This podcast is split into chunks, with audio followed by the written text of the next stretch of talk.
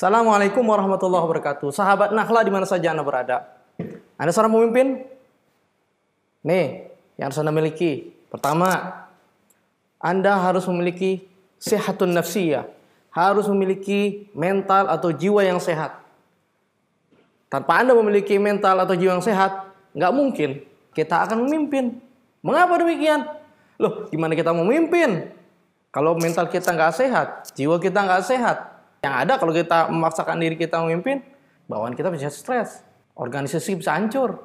Kalau gitu, kesehatan mental yang dimaksud atau jiwa yang sehat yang apa? Jiwa yang sehat adalah jiwa yang di mana seorang leader, seorang pemimpin itu bisa menguasai emosinya dan bisa mengendalikan berbagai gejala gangguan yang menyebabkan jiwanya bermasalah seperti mudah marah, emosional, dia bisa kontrol.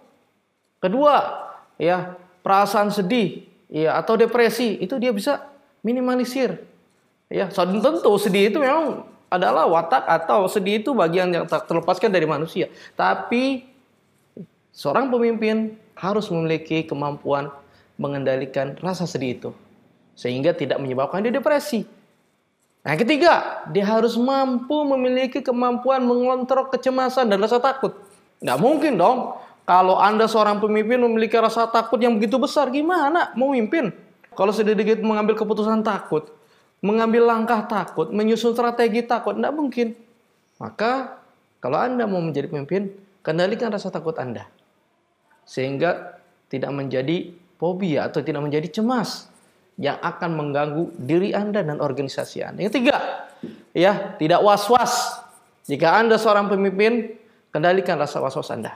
Rasa yang membuat Anda itu negatif thinking kepada orang lain, hindarkan.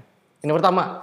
Yang kedua, sahabat semua, jika Anda seorang pemimpin, Anda harus memiliki kuatul akliyah, kemampuan berpikir yang kuat. Nah, sahabat semua, jika Anda memiliki kemampuan berpikir yang kuat, insya Allah, kalau ada bawahan yang punya masalah, Anda akan bisa memecahkan masalah tersebut. Tapi kalau Anda tidak memiliki kemampuan untuk berpikir yang kuat, tidak mungkin sulit.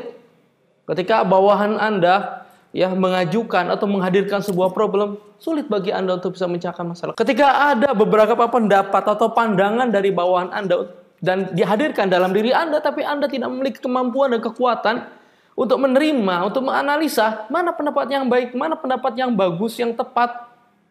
Tidak mungkin kan? Maka yang kedua Anda harus memiliki kuatul akliyah, kemampuan Anda untuk berpikir. Nah, dari sinilah kemudian hadir sosok diri yang kuat Bukan hanya mental yang sehat, jiwa yang sehat, tapi jiwa yang kuat dan mental yang kuat. Nah, yang ketiga, kalau tadi sihatun nafsiyah, kuatul akliyah, dan yang ketiga adalah apa? Kuatul amaliyah. Jika Anda seorang pemimpin, maka Anda harus memiliki kemampuan dan kekuatan untuk beraktivitas. Pemimpin tidak lagi dibatasi oleh jam, tidak. Dia akan terus berpikir mana yang terbaik bagi organisasinya. Tentu, tentu ya dia akan memanage tuh ya. Meskipun dia ter, tidak terbatas dengan waktu, dia akan tetap memanage waktunya seefektif mungkin, seefisien mungkin. Ya, bagaimana dia mampu memaksimalkan potensi aktivitas yang dia berikan, yang dihadirkan untuk orang lain itu bernilai dan berkualitas. Tiga hal, sahabat semua yang akan mewujudkan diri Anda sebagai seorang pemimpin yang bijaksana. Yang akan menghadirkan diri Anda sebagai seorang pribadi yang bijaksana. Jiwa yang sehat atau sihatun nafsiyah, kuwatul akliyah, memiliki kekuatan berpikir, ya atau mental yang kuat. Yang ketiga adalah kuwatul amaliyah, memiliki kemampuan beraktivitas yang cukup tinggi, yang dengannya organisasi bisa berjalan. Oke sahabat nakal semua, sampai jumpa lagi di lain kesempatan. Assalamualaikum warahmatullahi wabarakatuh.